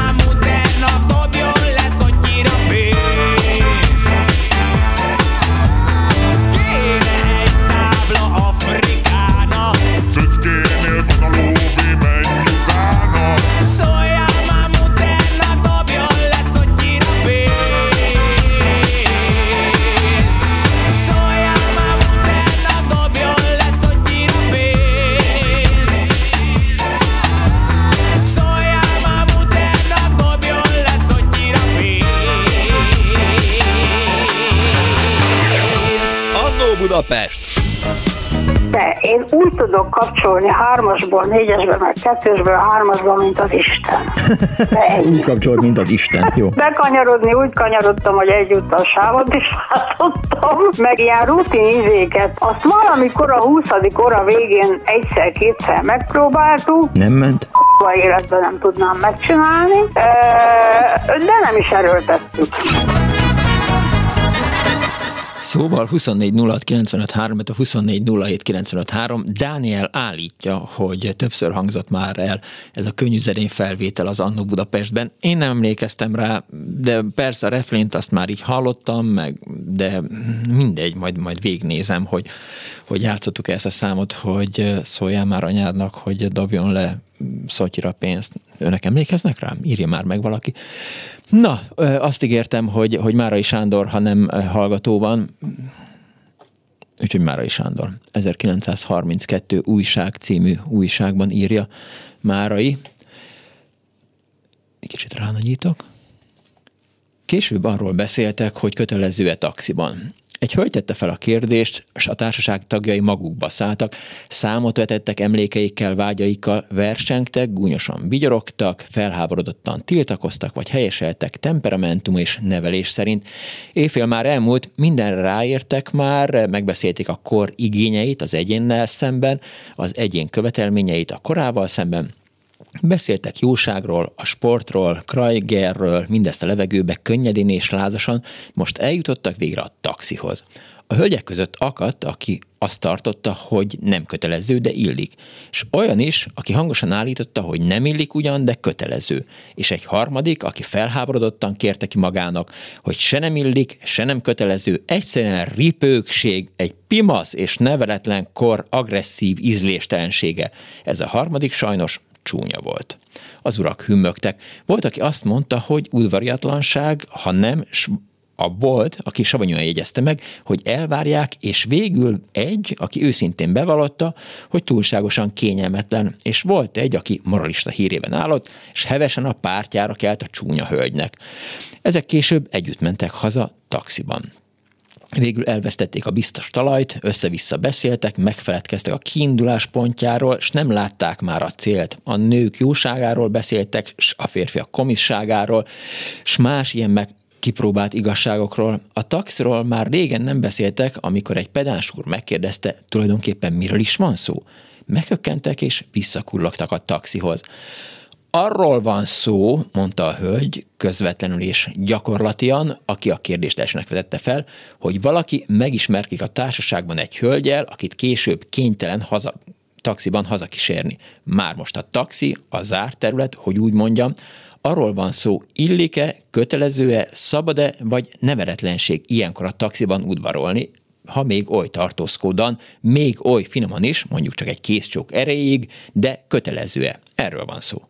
Micsoda aljas és frivol probléma ez, kiáltották egyszerre a csúnya hölgy és az úr, aki moralista hírében állott.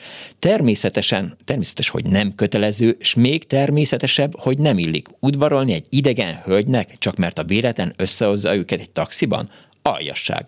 Olyan egyhangban és lelkesen mondták ezt, hogy már abban a pillanatban sejteni lehetett, ami később be is következett, amikor a moralista hazakísérte taxiban a csúnyát.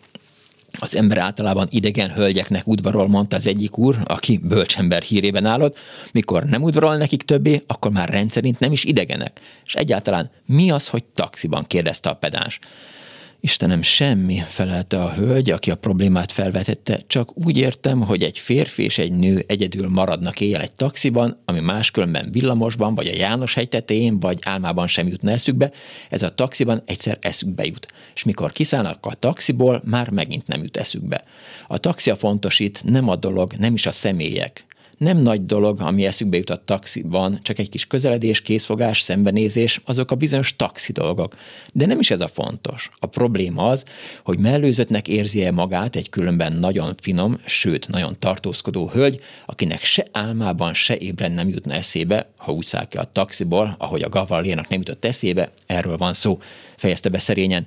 Mindenki nézzen a szívébe, mielőtt felel, ajánlotta a pedáns de ha egyszer különben eszébe sem jutna egyiknek sem, mondta kétségbe eseten a csúnya, miért mellőzés ugyanaz a taxiban, ami nem mellőzés, hanem természetes közön például a János hegyen.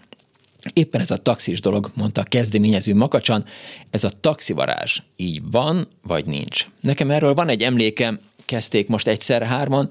Az este során szó sem volt semmiről, de aztán később csak ugyan a taxiban, és elmondták emlékeiket.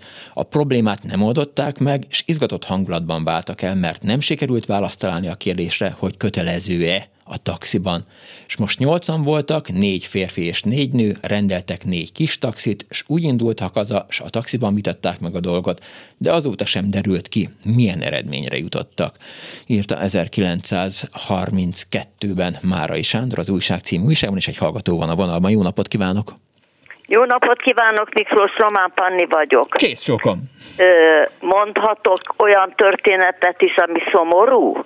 Hát hogy ne egy ismerős ismerősétől hallottam, tehát nem attól, akivel történt, uh-huh. hogy ment ki a Ferihegyi ö, ö, repülőtérre, és valami nagyon, valami nagyon nagy baj történt a taxival. Valami olyan, hogy, hogy kiszállt a, a taxivezető, és elkezdte ott csóválni a fejét, így hallottam a történetet, uh-huh. és elkezdett szerelni, és az idő múlott, és a pasas közben integetett más taxiknak, de természetesen senki nem állt meg, mert mindenki rohant előre a repülőtér felé. Szóval rettentő sokáig bajlódott a kocsival, mire az újra menetképessé váltak és hát a pasas az őrület határán volt, hogy lekési és lekéste és a repülő lezuhant. És ez egy malév gép volt, ez azt hiszem, hogy abban a híres, ahol a Latabárnak a lánya volt benne, nem tudom, emlékszik erre a történetre? Hát att, attól félek, hogy az, az, az olyan régen volt, hogy én nem emlékszem rá. Igen. Én nagyon kevés, lehet, nagyon kevés lehet, malév, lehet, igen. Nagyon kevés szóval, malév zuhanásra emlékszem és még annyit tudok, hogy mikor a pasas megtudta, szóval kiért a repülőtérre, uh-huh. és mhm. mire ott lepapírozták, a gép elindult, és aztán annyit tudok még a, az ismerőstől, hogy a pasas idegösszeomlást kapott a hírtől. Hát pedig, Na. igen, ezt, ezt nagyon nehéz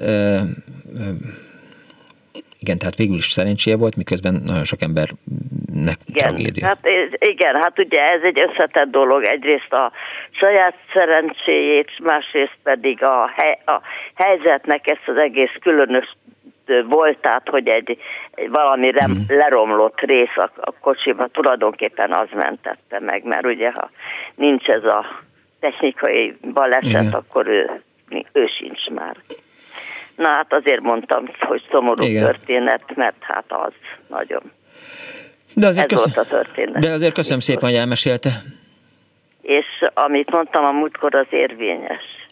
Ja, Megkap... persze, tudom, tudom, ígérkeztem. Igen, igen, igen, igen, igen. Nem felejtettem Jó? el. Így le, le, van föl, föl, föl van írva a telefonszám. Kész sokan, viszont hallásra.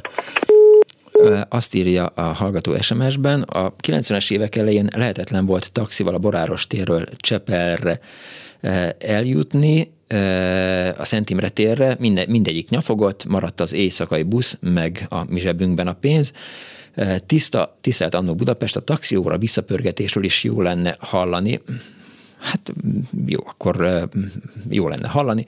Aki emlékszik rá, hogy, hogy hogyan pörgették a taxisok az órát, akkor az, az mesélj el. Egy másik hallgató azt írja, a testvérem és a barátja egyetemisták voltak, és szombatonként diszkóztak a várban. Éjszaka elindultak hazafelé a Bécsi, igen, a Bécsi kapu térnél, a Várfok utcán lefelé, ott most van most is egy lámp, kandel, lámpa, kandelláber, azt telibe találták apukám zsiguliával. A szévidő kiszakadt, és berepült az utastérbe, és a barátanyagát elvágta, ott állt egy taxis, azonnal hívta mentőt, így mindketten túlélték. Köszönet a taxis megmentőnek, írta a hallgató, és még egy imádkozó eh, kéz emoit is eh, a végére tett, valaki pedig írt egy, eh, egy SMS-t, hogy próba. Hát gondolom, kedves hallgató, a próba sikerült, eh, mert, mert, mert megérkezett az SMS. Halló napot kívánok!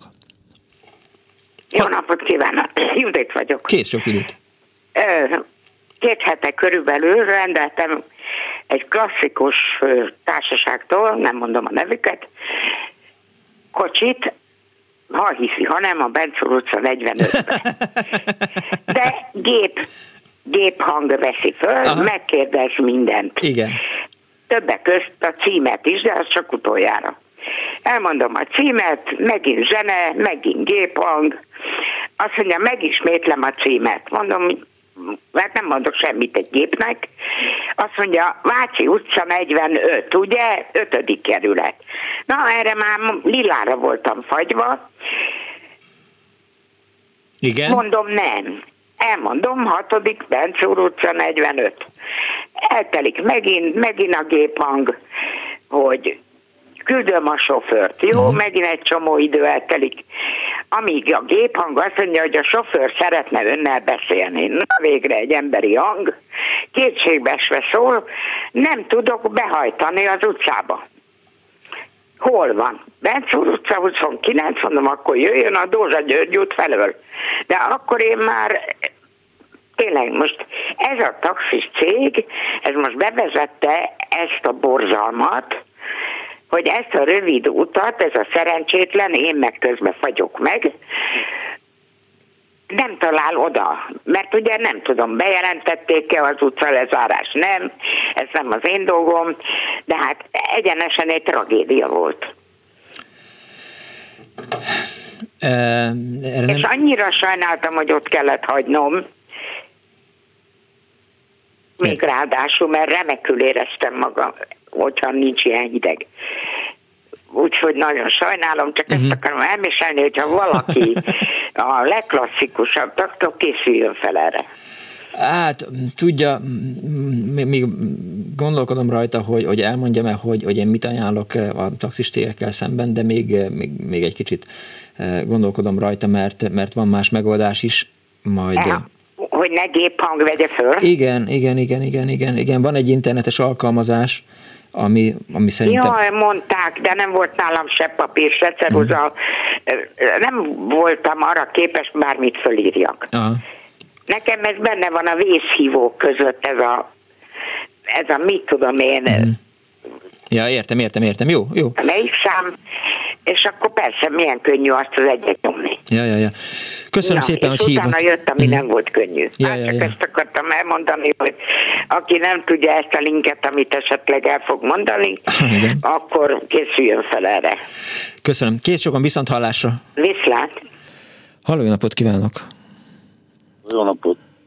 Üdvözlöm. Tulajdonképpen csak két sztori szerettem volna mondani. Jó. Mi a, én taktis voltam 78-tól 14-ig, uh-huh. és hát a 30 valahány év az alatt azért sok minden történt a munkám során.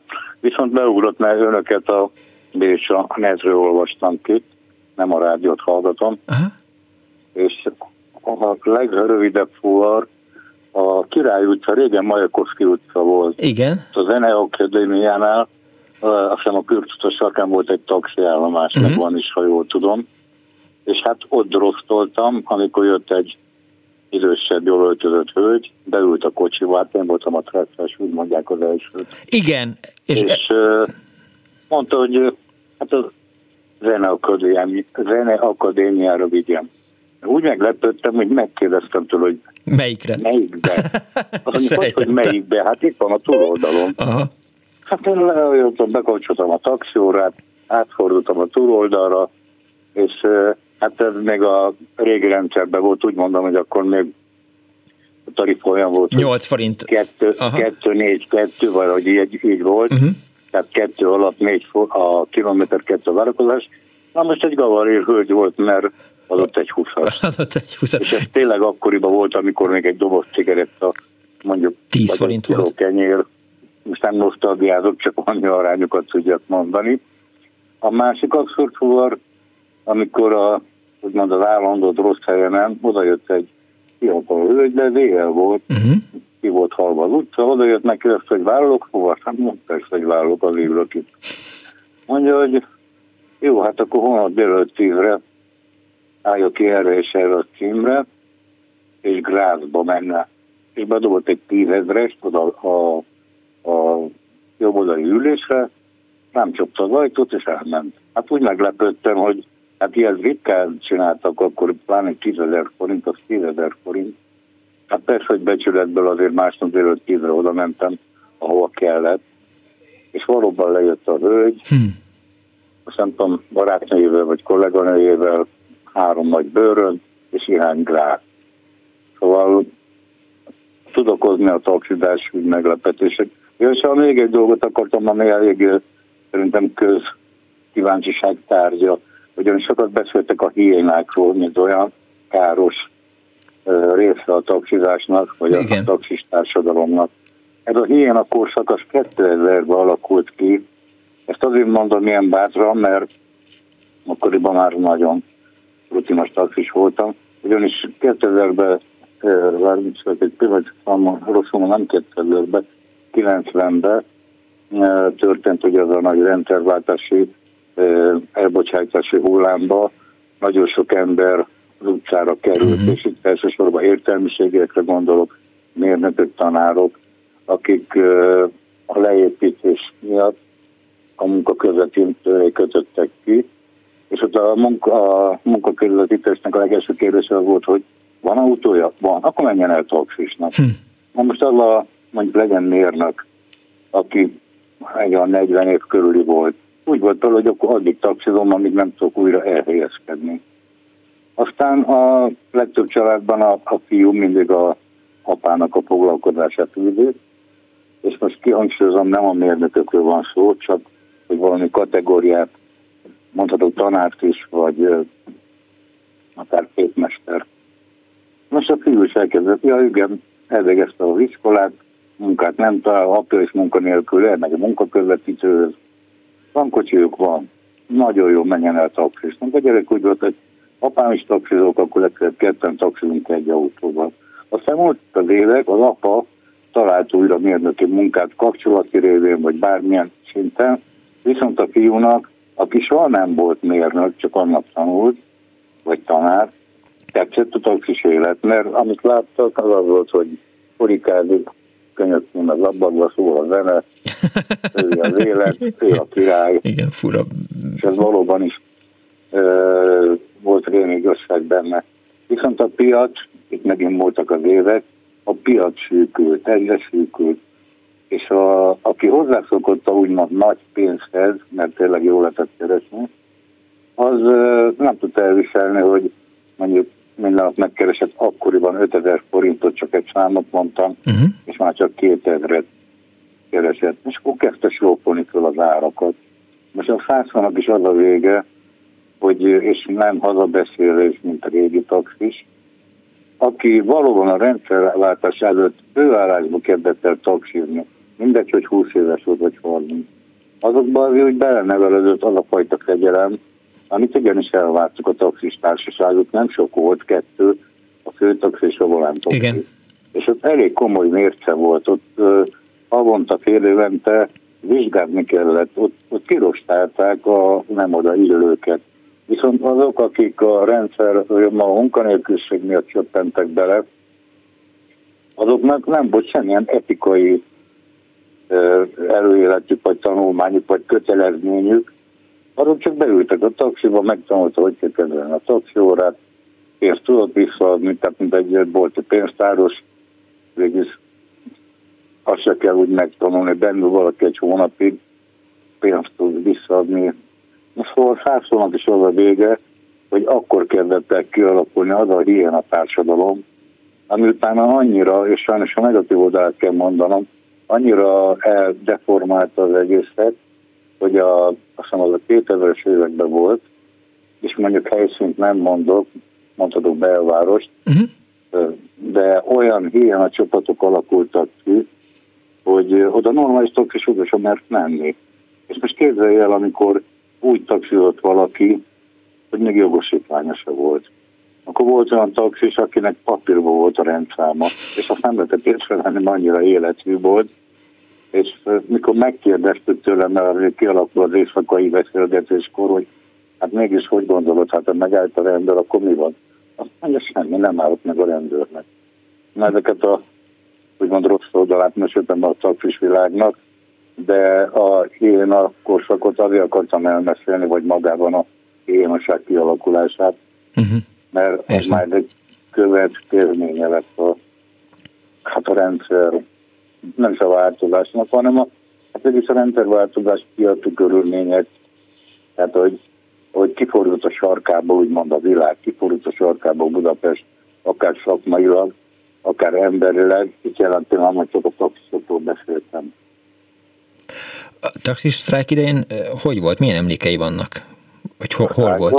Uh-huh.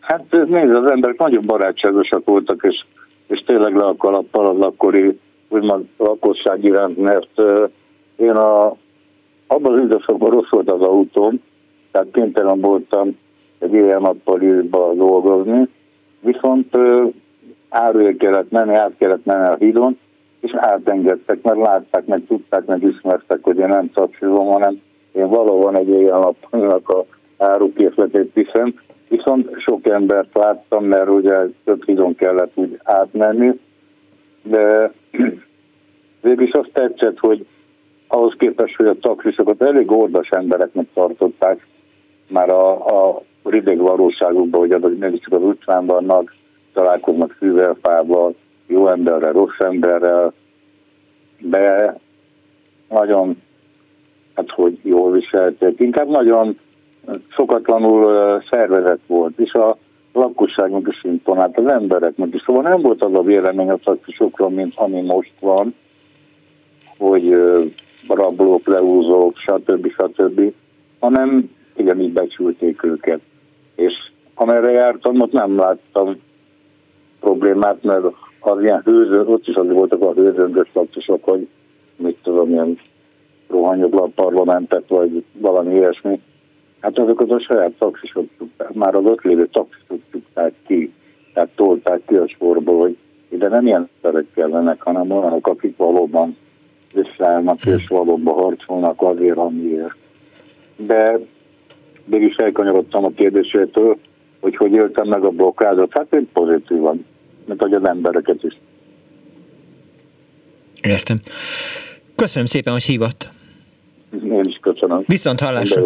24, 24 06 95 3, 24 07 95 3, SMS-ben 06 30 30 30 95 3, és persze ott a Facebook, az Annó Budapest oldala is, ahol hozzá lehet szólni a műsorhoz, például uh, Piroska Farkas, vagy Farkas Piroska, azt írja, még a 20-as éveim elején jártam, Szőket Csini baba, beültem egy taxiba, és a második közlekedési lámpánál figyeltem fel arra, hogy milyen gyorsan megy a számláló.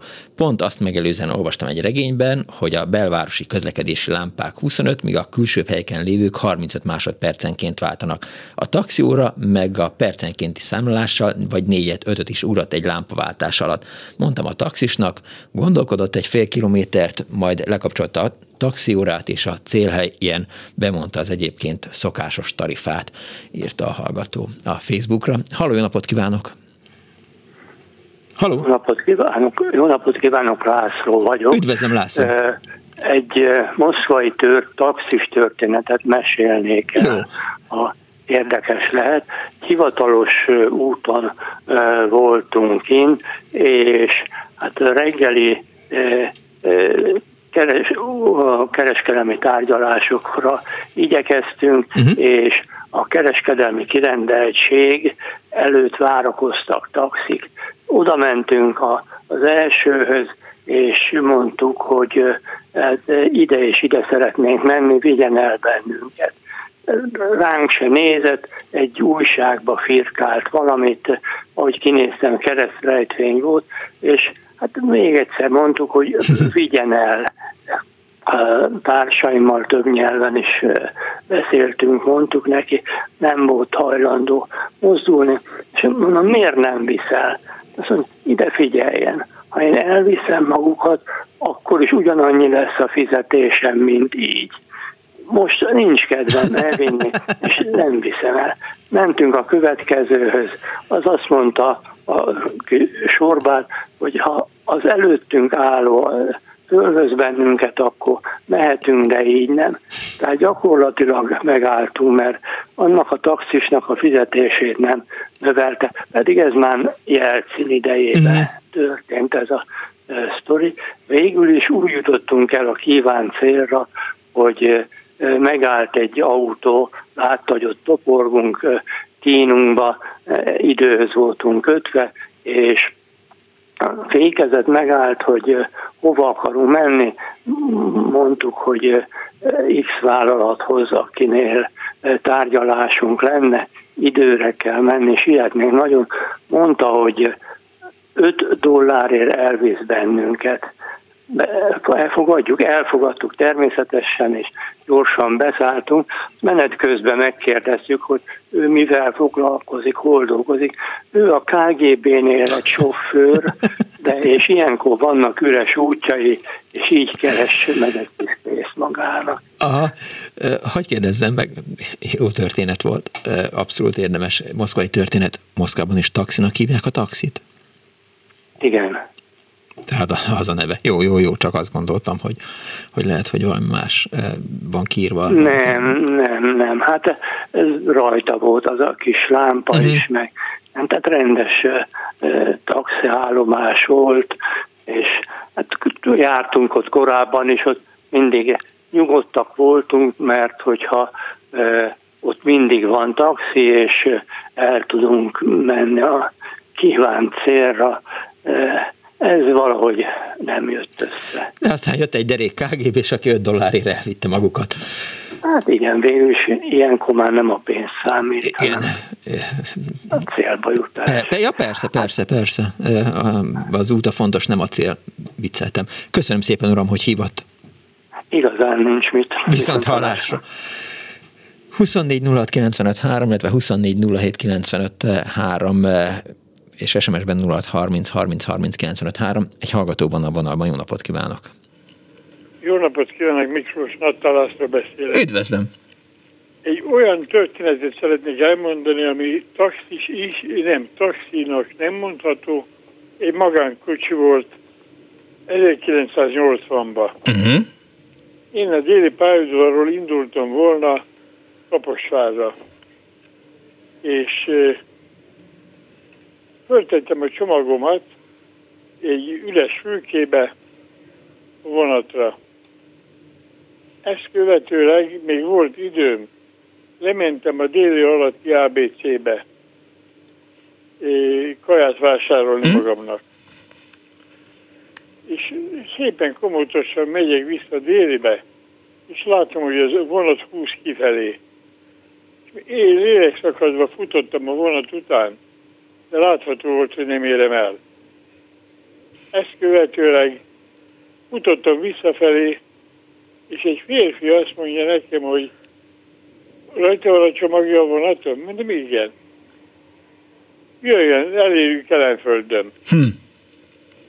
Beszálltam az autójába, lent parkolt a déli alatt, és célsebesen, mint tűzgolyó úgy ment különböző helyeken, ahol legkevesebb volt a lámpa. Én nem Pesti voltam eredendően, ezen az útvonalon soha nem mentem, azóta se, azóta se. És beérünk Kelenföldre, uh-huh. és akartam neki adni pénzt, hogy mennyivel tartozom. Igen. Intett a kezével, hogy hagyjam. Fussak, mert a vonat lassan bejön. Hmm. Ez gyakorlatilag 10 perc alatt ott voltunk a Kelenföldön. Nem írtam föl se a nevét, se az autórendszámát, uh-huh. és amire bementem a kelenföldi pályadvarra, a vonat akkor gördült be. És gond nélkül elértem a vonatot, felszálltam, a, és a csomagomat megtaláltam. És a csomagom nem volt más, mint a munkahelyi e, diplomatatáskám, és egy akkor vásárolt, aznap vásárolt írhabunda. 15.600 forint volt akkor a uh-huh. bunda. Akkor a felütlenség volt részemről, nem tudok elmondani. Ott hagytam a vonaton felügyelet nélkül a Igen. bundát meg a táskámat. És azóta sem tudom, nem tudtam megköszönni az illető úriembernek. Teljesen. Olyan nem tudtam, tehát nem tudtam jelezni vissza, hogy köszönöm. Teljesen meseszerű. Hát ez nem taxis történet, de, de taxiként működött. Igen, ilyen igen, módon. Igen, nagyon Ez szép a történet. ment Kelenföldre. Értem. Kíváncsi voltam, hogy, hogy, hogy mi lesz a vége, hogy happy end lesz a vége, vagy, de hát igen, meseszerű történet. Köszönöm, hogy elmesélte. Én is, Miklós. Viszont Köszönöm hallásra. hogy meghallgattad. Viszont Én köszönöm, hogy hívott. Halló, jó napot kívánok! Forgatókönyvet Halló? kell írnom. Halló. Igen, itt Jó vagyok. napot kívánok, Rátesi Margit vagyok. Kész sok Margit. És egy Szovjetunió beli taxis történettel jönnék. 74-ben nyáron Jaltában nyaraltunk, és onnan be akartunk menni a legnagyobb, a közeli nagyvárosba, a közeli 92 kilométert jelentett, uh-huh. ahova ugye járt troli is, de én akkor éppen viselős voltam, és hát hogy mondjam, a zsúfolt trolli az nem volt valami jó, uh-huh. és ezért úgy határoztunk, hogy Szimferopolból a 92 kilométerre lévő Jaltába taxival jövünk. Na most hát a Szovjetunióban mi krőzusok voltunk annak idején. Öt, öt kopejka volt egy liter benzin. Színferopolban nagy szerencsével találtunk egy taxit, aki hajlandó is volt elvinni minket Jaltába. Úgy képzelje el, hogy a 92 kilométeres útér négy rubelt fizettünk, ami 17 forintjával se volt egy nagy összeg. Aha. Most a Zsigulinak órászáján folyt a benzin. Kérdezem a sofőrt, hogy hát miért nem csináltatja meg, hát folyik a benzin. De mert nagyon drága lenne a benzin, meg semmi se. Úgyhogy ez volt a sztorik tulajdonképpen. És a, a, a, ez a taxis... Halló? A, tehát, hogy volt benne taxióra? Persze, volt, teljesen hivatalos volt a... Csak azon gondolkozom, hogy, hogy, a, hogy persze, nyilván a, majd mindjárt betelefonál Hardi, és akkor elmeséli nekem azt, hogy, hogy annyira olcsó volt, volt, vagy lehetett a taxi, hogy 92 km 4 rubelből e, kifért, vagy, hát vagy mi nagy boldogságunkban egyébként uh-huh. a taxis először is nem egyedül minket vitt, ja. hanem bement még egy ö, ö, idősebb hölgyért, aki egy nagy ö, szatyor fokhagymát hozott a jartai piacra, és akkor így hármunkat hozott, mert nem mehetett a magántaxi, uh-huh. mert ugye voltak ezek a marsrut taxik, amik ilyen kis buszok voltak, Aha. de ez rendes zsiguli volt, és nem mehetett a taxi csak tele. Tehát két emberrel nem mehetett, meg kellett neki várni, hogy legalább három üljön benne. Ja, hogy ez volt a nagy okosság. Most ez a kofa asszony jött velünk, Aha. úgyhogy, de valami családtag lehetett, ahogy úgy beszélgettek, még akkoriban jobb, jobban tudtam oroszul, és azt letette a piacon, minket elvitt a szállodába, Úgyhogy végül is nem tudom, de teljesen hivatalos volt, ment az óra, úgyhogy baromi olcsó volt. Szóval a, a 70-es, 80-as években, még 86-ban voltam Moszkvában, még ott is krőzus voltam, szóval én életemben nem voltam olyan gazdag, mint amikor a Szovjetunióban jártam. E, igen, csak azért az is kiderült, hogy ugye az egyik korábbi hallgató történetéből, hogy, hogy volt olyan taxis, aki nem vitte el, tehát azt mondta, hogy most éppen nincs kedvem dolgozni. Följetek még egy kis rejtvényt, vagy rejtek egy kis fejtvényt. Igen, hallottam az előtt, de ilyen Nekem, nekünk nem voltak ilyen rossz tapasztalataink. Mondjuk az idegen vezetőnek az agyára mentünk, már mint a férjemmel, mert, mert mi nem jártunk a hivatalos programokra, hanem egyedül csavarogtunk. Jaltában fölmentünk az Iván Franko nevű tengerjárót megnézni, mert hogy ilyen nagy hajót még nem láttunk. És el, eltévedtünk a hajón, és az Istennek nem találtunk le. Uh-huh és közben már kolompoltak, én meg ugye rejtőjenői olvasmányaimból tudom, ha kolompolnak, indul a hajó, meg hát ugye mondta hangos bemondó is, hogy NASA program, Mazakán Csála Viátje, és ajjaj, mondom, indul a hajó, valahogy ki kéne vergődni a partra, végül egy, egy ilyen steward kapott el minket, ahogy ott tanácstalanul. Ez egy kilenc emeletes hajó volt. Az igen a, ahogy ott tiblábolunk. Úgyhogy a fiam majdnem a Artai börtönbe született, mert valószínűleg ha rájönnek, hogy mi nem odavalók vagyunk, akkor ott... Rossz vége lett volna? Félre, félreértésekre adhatott volna akkor. Köszönöm szépen, hogy elmesélte. Viszont hallásra. Viszont hallásra. Még néhány hallgató SMS moszkvai történet, védett szállodában laktunk, át előtte pár e, várjál, pár taxi, e, mögötte az őr, beültünk, e, kikanyarodott a szálló elől, és közölte, hogy ennyi, mármint hogy sok rubel, ezt a szállodát, e, szálloda előtt nem merte, mondtuk, hogy a taxióra szerint várjunk, mondtuk, hogy a taxi óra szerint, igen, megállt, mondta Boly, kifelé. Ezt Ádám, nehezen raktam most össze ezt a történetet. Vagy én olvasom rosszul, vagy, vagy nem, nem pontosan értettem, elnézést kérek. De egy másik hallgató azt írja, amikor a Nemzet Mátyás királya Kaposvára szerződött, vonattal érkezett, az állomás előtt lecucolt, becucolt az ott álló taxiba, és így a színházhoz, a színházhoz, jó, most már rájöttem, igen, a színházhoz, a taxis, aki lehet, hogy nem ismerte fel Mátyást királyt, helyen járuhában, felemelte mutatóját, és a négysávos út túloldalára mutatott, ott van, írta Laci. És van még egy történet, A 80-as évben Szovjetunióban a napi díjunk 18 rubel volt egy hónapra, 540, miközben 80 rubel volt egy havi fizetés az ott. Igen, itt most hiányzik az SMS vége. A szerkesztő Árva Brigitta volt a technikus eh, Kemény Dániel, a hátteret eh, Kardos Józsi, a videót eh, Pálinkás van készítette, a telefonokat Balok Kármen kezelte. Köszönöm szépen megtisztelő figyelmüket, én Punksnoded Miklós voltam. További kellemes vasárnapot kívánok, egy hét múlva találkozunk. Nem csak Putyin, tényleg, tehát csak az jutott eszembe, ami most így zajlik a tanárokkal kapcsolatban. Tudják, hogy mire gondoltam. B-hallás.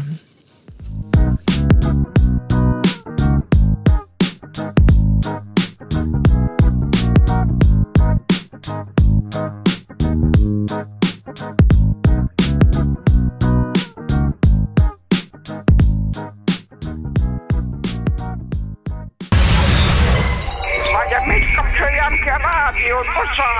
Igen, igen, igen. Elnézést. Jó napot kívánok.